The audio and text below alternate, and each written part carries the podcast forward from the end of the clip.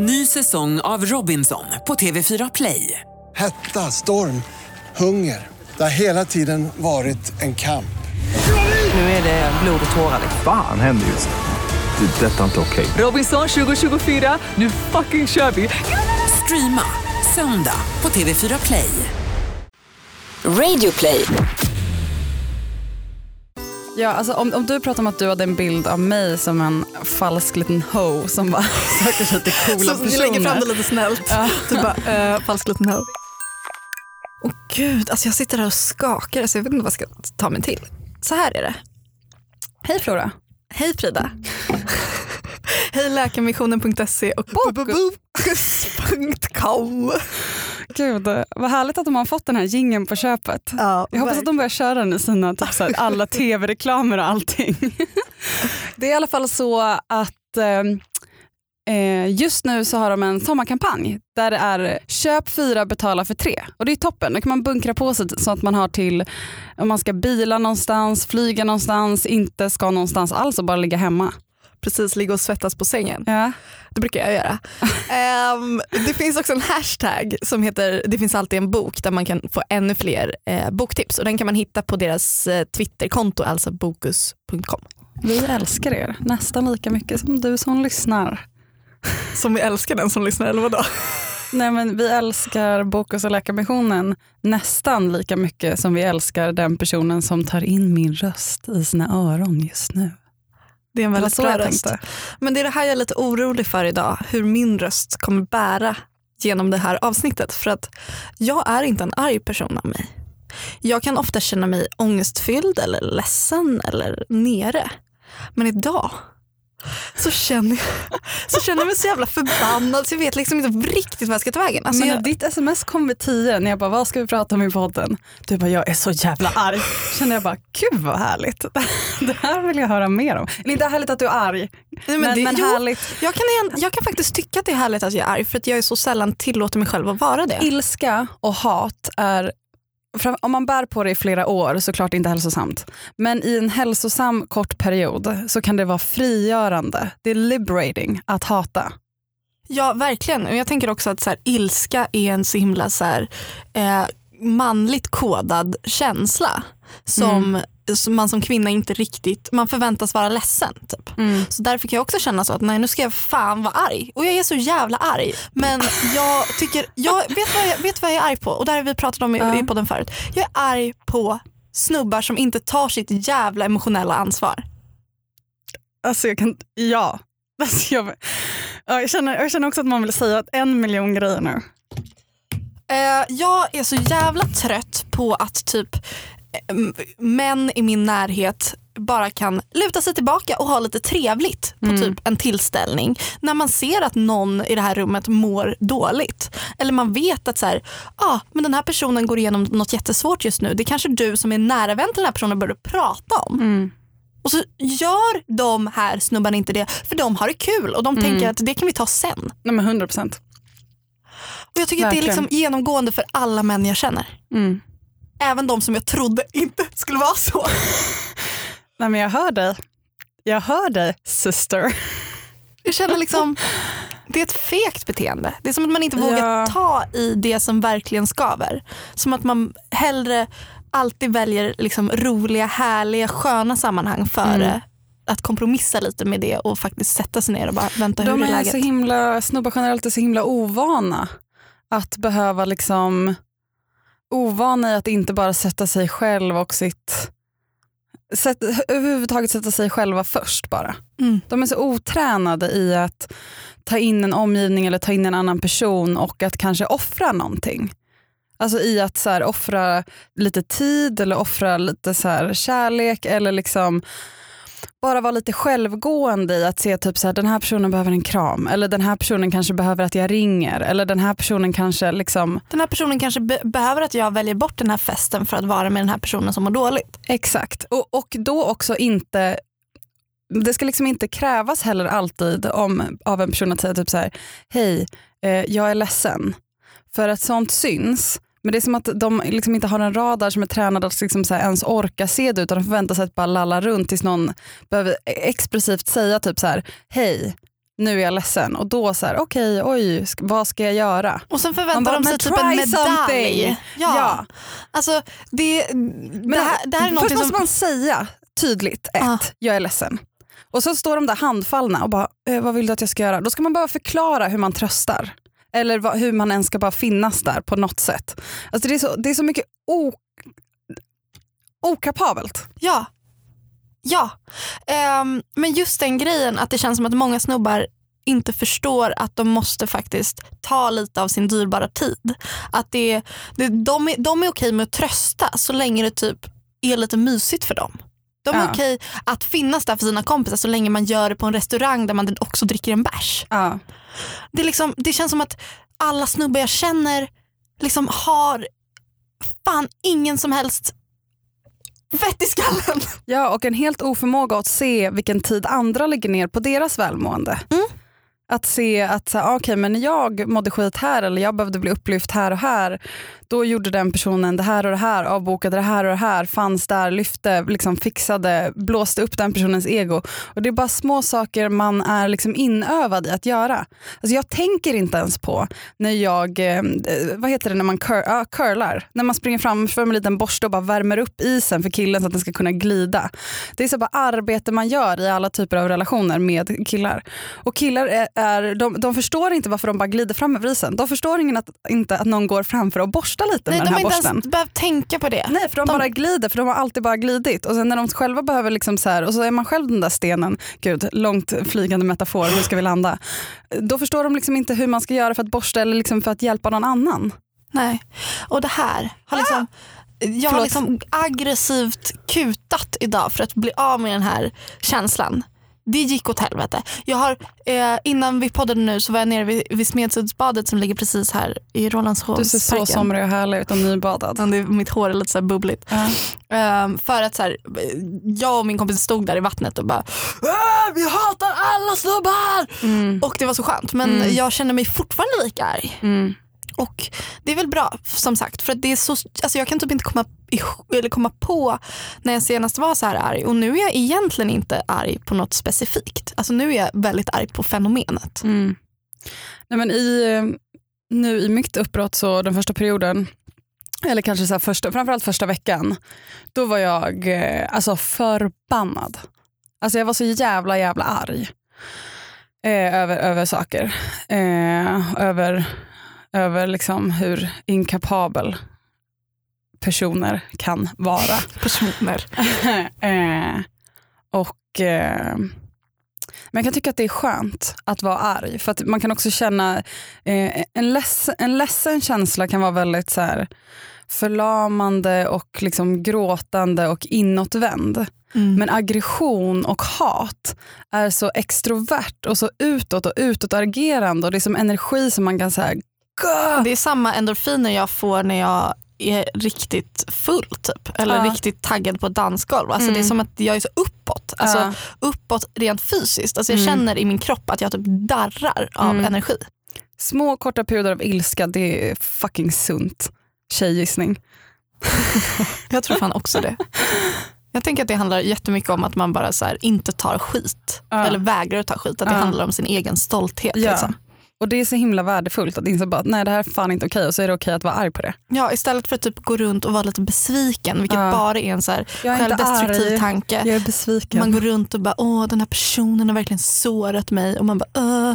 Sa Blanche. Ja, och det bara ligger där och skaver. Men om man får vara arg då är det i alla fall så här Fuck you motherfucker. Ja, verkligen. Då känner man, man sig som the top of the world. Ja. Alltså om någon av de här snubbarna som jag känner skulle försöka argumentera mot mig nu så skulle de inte ha en chans. För jag är så jävla i gasen. Mm. Men det är klart att eh, jag är villig också att eh, lyssna på de här stackars, stackars varelserna. Jag, är ändå, jag känner mig ändå öppen för att eh, Ja. förstå. Du är så storsint Flora. Du är en så stor människa. Jag är inte bara arg, jag är också storsint. Det är faktiskt två beskrivande drag som, som kommer stå på min självbiografi när jag är, är gammal. Ja. här vilar en gravsten. Här vilar en arg men storsint person. Gud, snacka om vändning. Ja. Ehm, mm, Vill du gå någon typ av mer specifikt? Alltså det är ju väldigt vagt och det kanske behöver vara för annars kommer du bara gå in och klippa bort allting. det pallar vi Nej, inte med. men det är faktiskt inte, i, i det här fallet så är det faktiskt inte så jättespecifikt. Alltså det är som att det är bara, jag, Det är många små saker som adderats på. det är många i min närhet som är med om sviniga snubbar just nu. Mm. Och eh, snubbar som vill att man ska typ cry them a river. Mm. Det är så jävla synd om dem. Mm. Och det är bara så jävla trött på det. För det är fan så jävla synd om oss också som hela tiden måste fan finnas där och klappa deras svettiga hår. Mm. Älskar killar! Apropå människor man har i sin närhet som man bryr sig om och bör bry sig om. Så tänker jag på vänner förstås. Um, och jag har liksom försökt rannsaka mig själv lite och tänkt på så här vilka människor som jag umgås med och det jag inser, vilket är så jävla fint, är att jag umgås med så otroligt, otroligt snälla personer. Mm. Ehm, jag tror att när jag var yngre så kunde jag dras mer till att liksom vara med folk som skulle imponera på mig eller som jag, jag liksom nästan suktade efter deras bekräftelse. Mm. Eller liksom, det kunde vara på gymnasiet, de som hade de coolaste festerna. Ja, de eller, som var coola hade som så här, men en dragningskraft och karisma som man vill vara nära Mm. bara. Och sådana människor finns det ju fortfarande. Liksom. Man kan gå ut och bara wow, där är den där personen. Mm. Och man kan hitta sig själv i ett hörn, stå och prata med den personen och typ smöra för den personen. Mm. Eller liksom hävda sig själv. Mm. Men att jag, jag känner att här, i mina nära relationer så kan jag med handen på hjärtat känna att jag har liksom, jag, jag vistas bland människor som är omtänksamma och snälla. Och ehm, ja, men så här, Jag skulle ändå vilja säga att mm, det, det är godhjärtade människor. Liksom. Och det känns ju som en självklarhet när man pratar om det.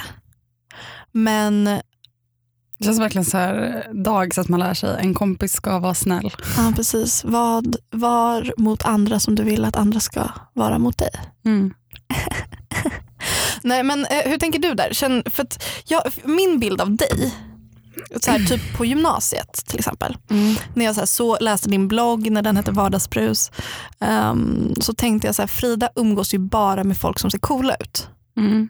Och att jag tror att tänkte så här, är hon kompis med, är hon liksom nära med alla de här coola personerna? Mm. Eller finns det, finns det en del av Frida som liksom går efter vem som ser cool ut? Mm. Eh, vad tänker du kring det? Jag tänker nog att det absolut ligger någonting i det. Men äh, jag har också alltid haft så väldigt många olika kompisar, kanske också för lite olika grejer. Alltså jag kommer från Upplands Väsby och varit kaninhoppare och spelat saxofon. Mm. Eh, och umgås liksom jättemycket med, med mina så här kaninhopparkompisar också. Så det är inte som så en lång tråd av att försöka vara den coolaste tjejen i, i klassen. Rest in peace.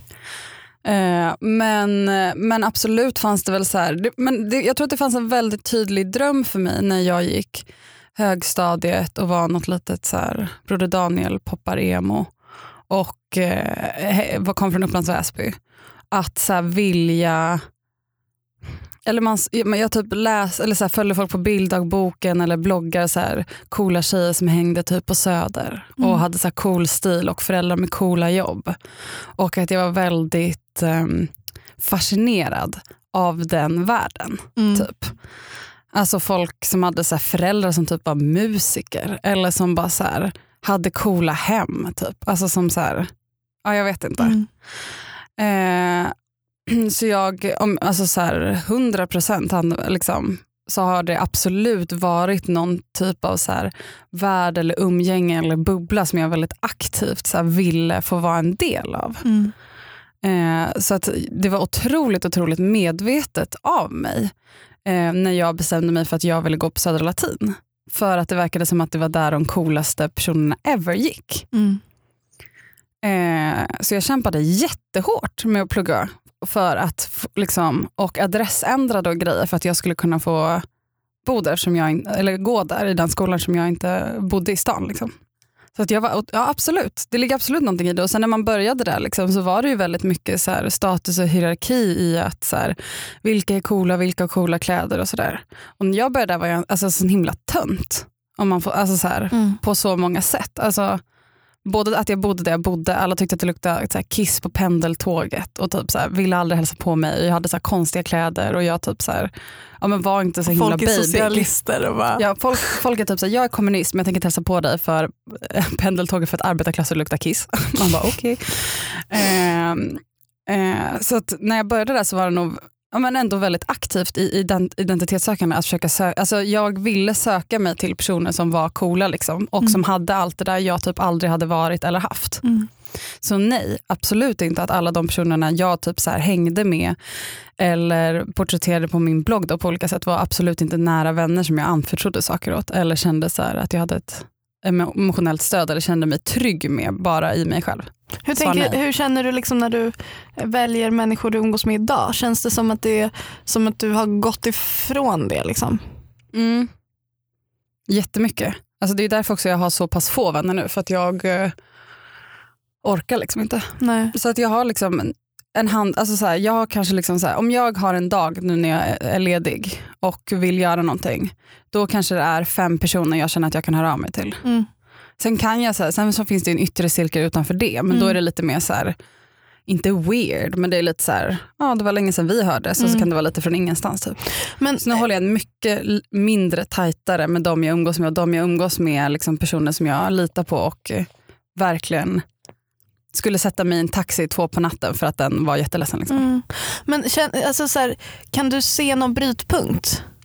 Eh, alltså en brytpunkt är ju såklart gymnasiet på ett sätt. För då blir man liksom bortkopplad från den världen och den hierarkin. Eller de, de grupperingarna gäller ju inte längre. Du menar efter gymnasiet? Ja, efter, efter precis, studenten? studenten. Ja.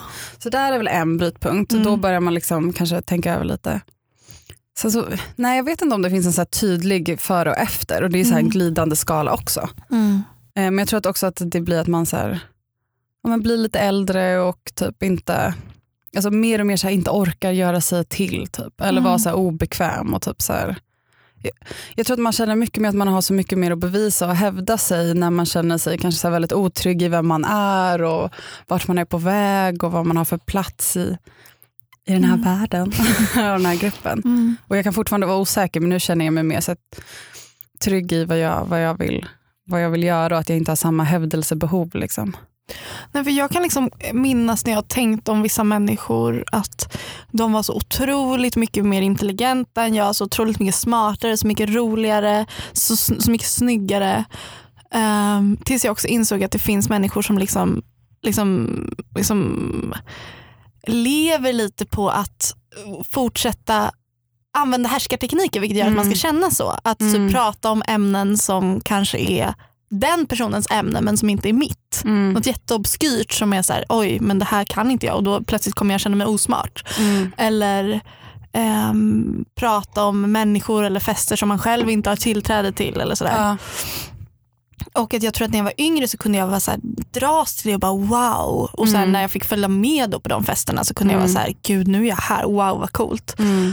Men att det är så här, om man ska se min energi, typ, hur mycket energi fick jag ut av att vara på Mm. den där festen? Ja men okej, från skala till 1 till 10, vi säger 3. Men så här, 9 i, i oro. Liksom, Ja, för, att, eh, för att jag, det gick så mycket energi åt att tvivla på mig själv om och om igen. Mm. Och att behöva hävda mig själv att så här, "Ah, ja, men jag är väl inte lika cool.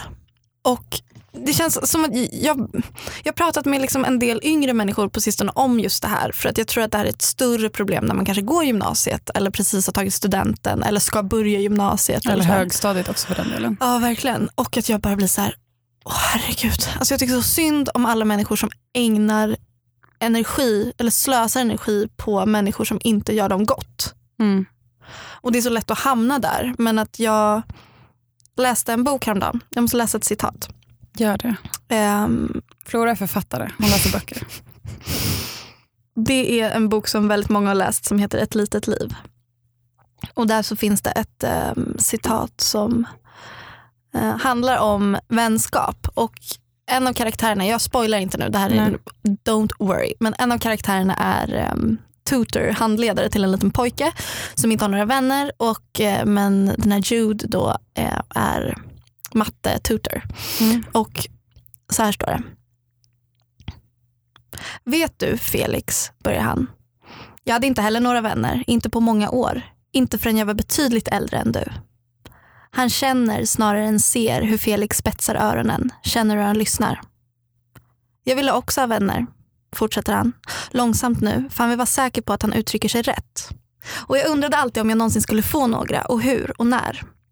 Han drar pekfingret över bordsskivan av, av mörkt valnötsträ uppför ryggen på Felix mattebok, nedför sitt glas med kallt vatten.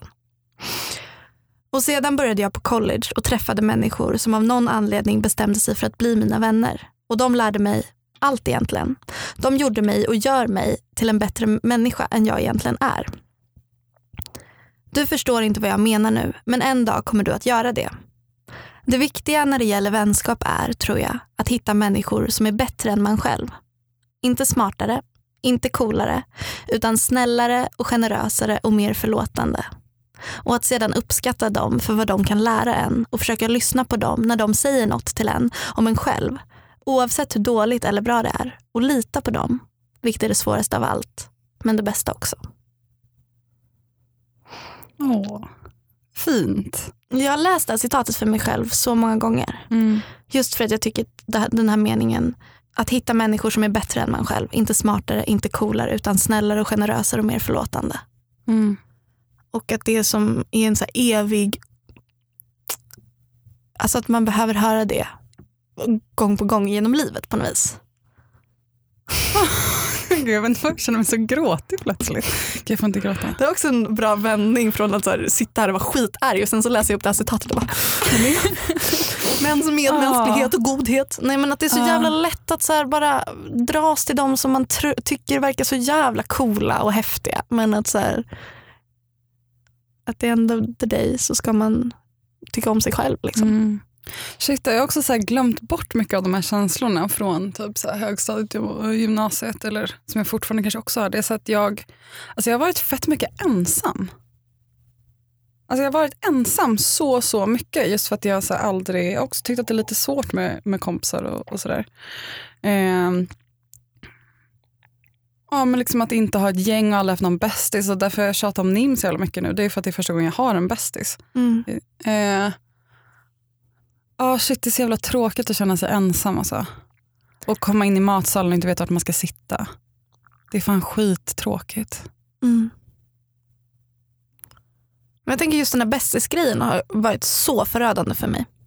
Ja. För att jag genom hela min liksom, tonårstid hade aldrig en bästis. Nej. Sen har jag liksom haft det ganska lätt med vänner men jag har ofta jag har hoppat mellan olika gäng. Jag har liksom Mm. varit välkommen på många håll men också ibland blivit exkluderad för att jag inte varit självklar liksom, i olika sammanhang. Men det är samma för mig. Mm.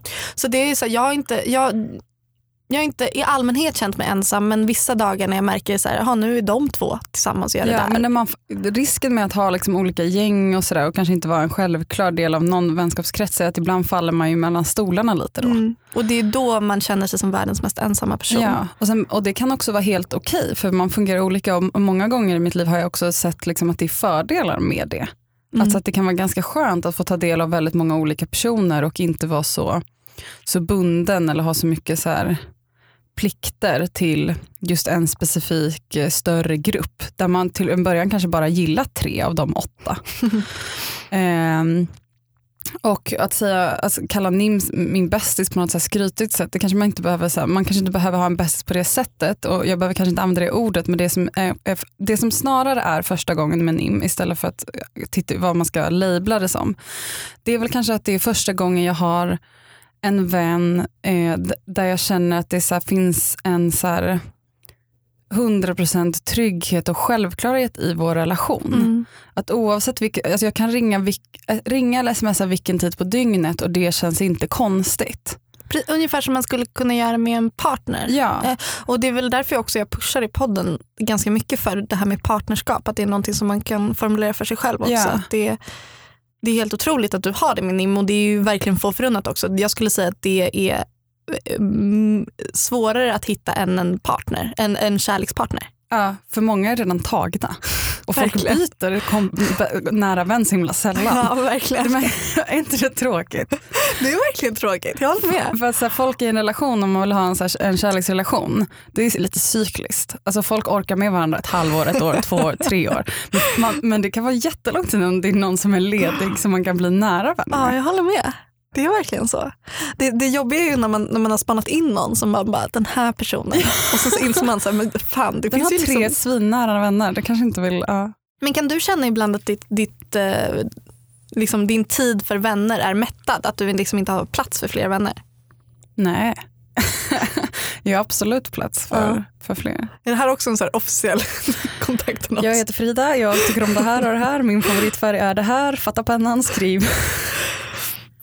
Jag kan ibland känna att jag bara Alltså även, det kan vara att jag vill rikta energi till en person. Det behöver inte vara att jag ska Mm. rikta energi till tio personer. Liksom. Men att jag kan känna så här, ja, men det finns liksom inte möjlighet för mig att gå in i en till relation. För att hur ska jag Du då? är ju också the queen of friendship. Det är nog inte. Men jag har många vänner. Ja. Men jag, Jag menar inte att du är världens bästa vän alltid, Nej, jag för det är du säkert inte. nej. och det är du säkert ofta också. Men, men att du... Ja, alltså, om, om du pratar om att du hade en bild av mig som en falsk liten ho som bara söker sig till coola Så vi lägger fram personer. det lite snällt. Ja. Du bara, uh, falsk liten Om hög. det är bilden av mig så är ju bilden av dig att du är liksom heliga Maria med liksom ett följe av så här 30 personer som inte, vill, ja, som inte vill annat än att typ så hänga med dig hela tiden. Det känns men- som att om, om du vill gå ut en kväll så är det inga problem för dig att hitta folk som vill gå ut. Men det är ju för att jag har flera kompisgäng. Det är för att jag kan så här, kolla igenom de här olika, det där från gymnasiet, det där, de som jag har lärt känna genom att vi har startat en bokklubb, eh, mina gamla barndomsvänner. Alltså det är för att jag, det, det har alltid min mamma sagt om mig också, att jag är typ så här, har hållit fast vid personer men också liksom låtit relationerna förändras med tiden så man har kanske dragit med en barndomsvän till det nya sammanhanget Mm. och fått in det där. Alltså det, det är liksom ganska flytande men att jag ändå har i mångt och mycket liksom hållit i många av mina relationer genom livet. Mm. Men eh, det är klart att det, det finns dagar då jag känner att det inte finns någon att ringa. Liksom. Men, Men då eh, har du ju ringt en jävla massa samtal först. nej, men sen är inte jag heller en person som ringer folk när jag är ledsen. Det händer fan typ aldrig. Nej. Jag låg i morse senast och chippade på min ehm, säng och bara usch jag vill inte prata med någon. Mm. Jag Bara, tycker "Haha, att Så behövde du prata med mig. Ja, men jag tycker att, att det är också så jävla läskigt att prata om typ så här, att vara en bra vän. För att jag har ingen aning om jag, om jag är en bra vän. Jag sätter mycket pride i att vara det. Jag vill vara det. Mm. Men jag vet också att när jag går in i en ångestfylld period eller när jag har mycket så tror jag att jag är väldigt frånvarande. Så jag tror att jag kan, jag är nog en periodare. Och det, är nog, så det kan nog vara svårt att veta Ja. vad man har mig, Ja. tror jag. på tal om det, när fan tänker du gå till trädgården med mig Flora? Kanske nästa vecka? Ja. Det där var ingen suck utan det där var när kan jag? Nej, när nästa vecka är jag på Gotland och på Way Out West. Oh, jag ska också Way Out West. Åh ja, var med mig. Ska vi eh, skicka ut en, en ehm, vad heter det, ett förverkeri här och säga att om ni ser oss på Out West, Och kramas. eh, häng med oss. Gör det vore det. så kul. Jag vet typ inga som ska dit. Jag ska dit, Ja. så vi kommer ju hänga. Jo jag vet men Ja. det är Ja, ett shoutout sagt- till andra har kompisar. Har du vippass? Eh, ja, Kommer du hänga i vippen hela tiden? nej, Okej, då så. för att alla mina kompisar har inte det. Nej. Jag tror att det är Nej, roligare. vippen är liksom, vippen på Way West, man, man ser den på andra sidan sjön och bara wow vad coolt det ser ut Det är där. inte Men så mycket vipp. Det är väl typ jättemånga som hänger där. Det känns som att det är halva Ja, festivalen. men det är, liksom, det är en bar och sen så är Ja. det liksom solen ligger på där på kvällen och så, så ibland så eh, får man lite glass eller, eller mjölk för att det finns olika sponsorer men det är ingen jävla skillnad. Alltså, vippen är inget speciellt. Sen fine att, det, att artisterna det. är där och att det Ja. kanske man tycker är jättespännande. Jag är ju så jävla dålig på musik. Alltså, jag känner inte igen artister. så att jag är egentligen den sämsta på vippen. Alltså, jag borde egentligen ge den här till någon som skulle älska att se Little Jinder ramla runt på sina höga platåskor. Liksom. Ja, nej. Då tycker Ja. jag hellre än... Nej. Alltså, Usch, tycker, nu känner jag att jag får lite så äckelkänslor. Är, är, det här, är det här snobbigt av mig att säga i podden? Nej det är det inte. Att jag inte tycker att det är så kul att hänga på vippen. Varför är det snobbigt? Jag vet inte, för ibland kan jag känna så Jag tycker man också ska vara glad för det man har kan jag känna. Att, att, snobbig, att man är aldrig så snobbig som när man tackar nej till snobbiga saker. Ja, men det är väl också lite det där, vadå, om jag för tre år sedan hade någon så här, åh du kan få, du kan få eh, pass till vippen på Way Out West. Då hade jag blivit askåt. och bara gud jättegärna. Jag vill inget hellre än att se lite Linder snubbla runt. Nej jag förstår. Och typ snappa det och bara hej här är jag, jag sitter på vippen. eh, men eh, Ensam utan vänner. Ja exakt. Men nu, nej, nu känns det bara så här, men det är inte att det, att det känns snobbigt utan det är bara så här, gud, man, det känns som att man måste tänka lite mer på vad man har på sig och vart kan man sitta, sätter man sig för nära någon som är för cool eller det är så här, jag, jag får ångest. Det är återigen att jag inte vet vem, vilka folk är. Alltså jag nej, men då är det ju också en stress för då kanske Nej man det är så skönt. För då pratar det är jätteskönt för då har inte jag någon aning om det där, den där personen är askänd eller om det är typ är någons moster som har följt med. För att folk går ju på vippen och tar med sina kompisar in på vippen. Ja. Så det är inte som att alla som sitter där är någon slags ja, kända personer. Nej verkligen inte. Och Sen bara så massa mycket så här alltid- mediereklam, folk som har fått det på grund av olika så här, Ja. jobba med kunder som bla bla bla bla. bla. Moving on. Ja. Vi har ju Läkarmissionen som sponsor. Vi är väldigt glada att få, att få jobba med Läkarmissionen som gör så mycket viktiga och bra grejer. Och mitt i den glädjen så finns det också väldigt mycket eh, sorg för att vi blir underrättade liksom om vad det är som är högprioriterat nu. Och en av de sakerna är att det är över en miljon svältande barn i Sydsudan som eh, behöver hjälp. Och det är alltså en miljon barn. Det är grejen är när man säger så här en miljon barn så blir det så, det, alltså det är så många att man typ inte kan ta in det. Man hade nästan kunnat känt mer om de hade sagt det är fem barn som Mm. heter det här, det här, det här, det här. De håller på att dö. Då är det okej ta alla mina pengar. Mm. Men när det blir så här en miljon barn, alltså det är så många att man liksom inte ens greppar hur många det är. Nej. Och ehm, Så du behöver inte, försök inte greppa. Tänk på att det är typ så här jättemånga. mm. Försök att se framför dig ett litet svältande barn så kommer du vilja swisha någonting. För nu kommer nämligen ett swishnummer. Och då vet ni vad som gäller. Nu plockar upp telefonen för ni sitter säkert på tunnelbanan eller gör något oviktigt och tittar ner på dina nyköpta sneakers. Så nu kan du eh, ta fram telefonen och så låser vi upp den. Och så går man in på Swish-appen. Och sen skriver man in sitt lösenord på swishappen. gör man det först. Mm. Betala, ja, skriver in. Mm. Och vilket nummer swishar man till? 90 00 217. 90 00 217. 90 00 217. Nu kan du inte låtsas att du inte hörde för nu säger vi igen 90 00 217. 217. Och eh, du ska skriva ordet svält. Eh, Eller skriver man det i stora bokstäver? mm, men det spelar ingen roll för det är swish liksom. Okej, skriv bara svält. Ehm, och du får swisha valfritt belopp. Men ehm, de föreslår 175 spänn men du kan swisha 25 spänn eller 40 spänn. Det är jättebra för då kan man ändå så här, ja, men swisha det man känner att man har möjlighet till just nu. Och om man har, får in lite mer pengar lite senare kan man swisha igen. De här pengarna går alltså till eh, de områden som är värst drabbade i Sydsudan och eh, insatsen handlar om nutrition till de här barnen. Det är men också- akuta insatser Ja precis. Eh, och, eh, även enklare sjukvård. Så det är väldigt rimliga pengar. Liksom. Mm. Eh, vi säger numret en gång till. 90 00 217. Så kan någon av dina kompisar bara, ah shit jag köpte den här tröjan igår. Och du bara, ah shit jag, eh, jag gav pengar till att hjälpa svältande barn. Precis. Tack som fan läkarmissionen.se.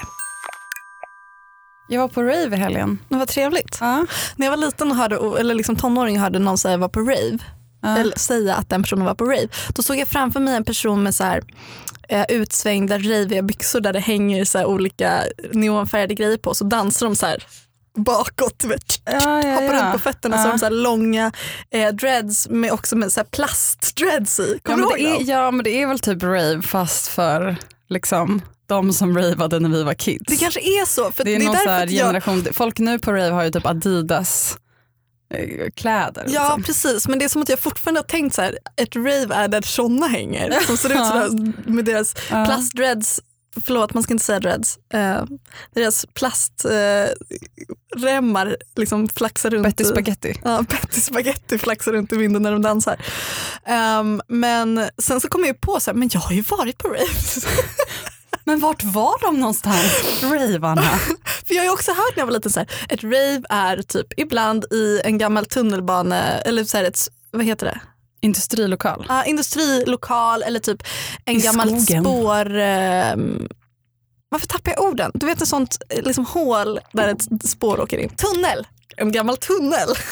eller i skogen. Ja. Och sen så har jag kommit på att men jag har ju varit på ett fest i en tunnel mitt i natten. Ja. Ja, förlåt, hur var ditt rave? Hur var det? Nej, men det jag egentligen vill komma in, eller, eller komma in på, gud jag ville inte komma in på någonstans. Mest vill jag skryta med att jag var uppe sent.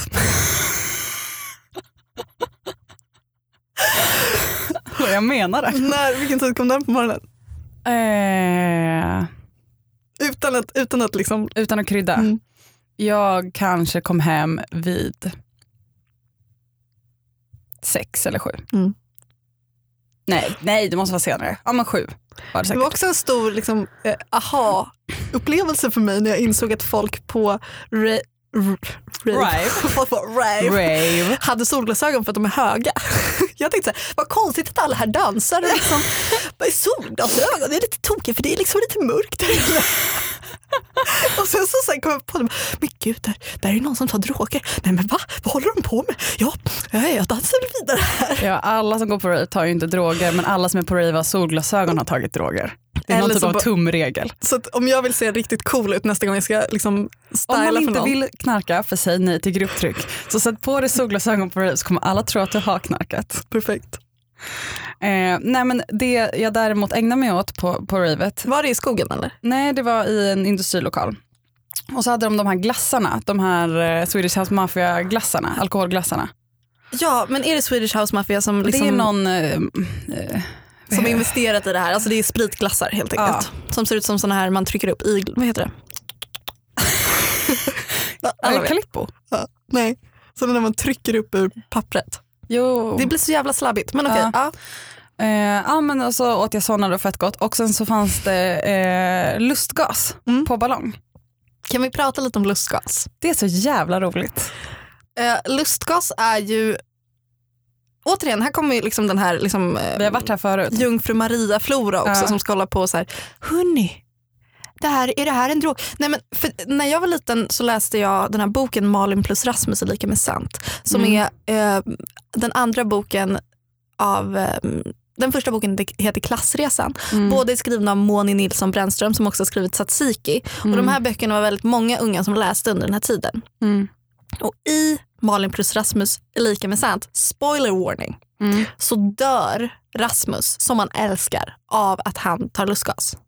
Hans ögon rullar liksom ut och in och sen så faller han bak och dör. Och efter det här så har jag liksom, under min tonårstid, folk har alltid tagit, liksom, inhalerat lustgas Det är ju lagligt också. Det finns ju på liksom lagliga festivaler och sånt. Mm. Ja det finns ju på Habibi liksom, på Ja. Söder. Där går man in och köper en lustgasballong för 25 Mm. spänn över baren. Liksom. Mm. Eh, men att jag fortfarande tycker att det är lite läskigt. Mm. Men jag tycker också det är kul. Mm. Nej, men det som är farligt med lustgas är ju att man får dem i en ballong. För att det känns så himla oskyldigt. Men det var inte som att jag tog jättemycket lustgas, men det, jag tog någon ballong. Eh, och det var, men jag blir chockad lika gånger hur jävla kul det är. Det är ju det. Det är som att allting hakar upp sig. Dock finns det ett problem för mig att jag börjar dregla när jag gör det. Och jag sen kan så- inte stå, alltså jag ramlar ner på Mm. golvet. Även om det inte är mycket så kan, måste jag liksom sitta ner och sen så skrattar folk åt det. Alltså det som sker är ju att, att eh, man tar den här lustgasen och det, det, Det är är ett- syrebrist i hjärnan helt Ja. enkelt. eh, och det varar i typ 30 sekunder. Ja. Och det här Max kan man också 20 få när man sekunder. föder barn. Fast då är det utspätt. Det är inte som att man ligger där och bara... Det kanske du har trott men det Jag tyckte att det, liksom var en en aschill förlossning. Vill du verkligen ligga där? Nej, jag har redan Det planerat min förlossning. metall så här- Jag, jag ska sövas ner Flora. Jag ska sövas ner, snittas upp. snittas upp. Sen ska jag vakna en vecka senare när eh, ärret är typ läkt. Perfekt! Och jag är helt läkt och redo då ska jag ta emot mitt barn i mina armar och säga du är min son. Du är min whatever. Det låter som en bra plan. Nej, men, eh, jag känner mig fortfarande lite skeptisk kring lustgas. Jag tycker att det är kul men jag är rädd för att jag också hört skräckhistorier. Men det har man gjort om allt. Ja, Man ska ta det med aktsamhet. verkligen. Och eh, ja, men fan jag pallar inte. Jag var försiktiga.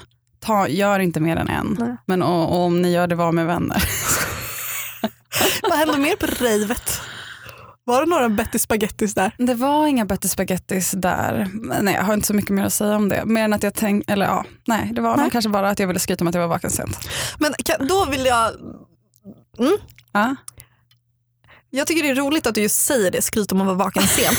För att det var ju en sån grej som man verkligen skröt om. Alltså jag älskade typ när jag var lite yngre att säga så här. och sen var jag ute till klockan fem. Sen ramlade vi Ja. in klockan sex inför, innanför dörren. Ja. Jag minns också hur jag radade upp. Sen gick vi till F12, sen gick vi till Spybar, sen Ja. gick vi till eh, bla bla bla. Men eh, härom veckan så var jag på trädgården och sen så skulle jag gå hem och klockan var typ kvart över två. Och då var det en kompis till mig som la händerna på mina axlar och bara, ska du gå hem? Jag bara, eh, ja, jag är trött. Eh, de stänger om 45 minuter. Ja, jag vill gå hem. Mm. Ja, men det är så jävla typiskt. Fan, ska du gå hem? Alltså det är värsta som vet som folk som blamear när man vill gå hem. Det är som att, för mig är det så verkligen eh, liksom högstadiefason eller gy- gymnasiefasoner. Mm. Alltså jag tycker att det, för mig, alltså där, nu kommer adrenalinet igen för jag Ja, blir ja, ja, arg. ja. Men jag tycker att det är så, alltså man ska aldrig bli med någon som vill, man vill Det är fan en dålig kompis. Ja, men jag tycker att det är så här, det, det, är en, det man ska göra är så här, för att alla har ju varit där. Alla har tittat Och man på kan bli lite bara, besviken ibland också om man är pepp på att hänga med någon och så går den hem. Men då kan man ju säga typ så här, ah, men jag tycker att du är så härlig. Eller gud, vem fan säger så? Men typ så här, ah, men det var, var tråkigt, jag hade jättegärna velat att du var kvar. Man behöver inte så här, åh du är så... Mm. Nej, jag tycker att, för att alla har ju varit där, att man vill gå hem, att man typ känner benen falla ihop. Alltså jag vill gå hem innan jag ens gått ut. Ja. Det man vill höra då är ju, ja men, ja men gör det. Fan synd, det hade varit kul att hänga men Mm. gör det, det är klart du ska göra det. Mm. Ehm, och det fick jag ju inte så jag blev jävligt lack. Mm. Jag var verkligen lack. Mm. Ehm, men det har gått över nu. Mm. Det gör ju det. Jag är, är arg men eh, Storsint. storsint. Kom ihåg att vara snälla mot varandra. Kom ihåg att ta lite av er egen tid för att hjälpa andra. Det kan vara vänner, det kan vara svältande barn, men ni har tiden. Ta tiden. Yes Flora. Det är okej att vara arg. Embracea den ilskan. Killar suger. Ja, jag menar alla. Alla. Tack för att du lyssnar.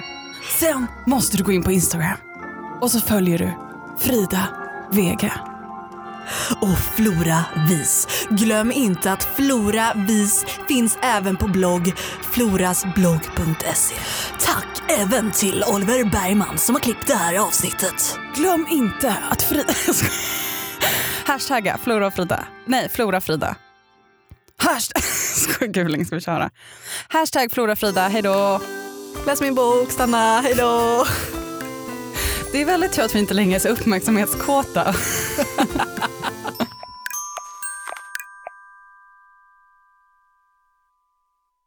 Ny säsong av Robinson på TV4 Play.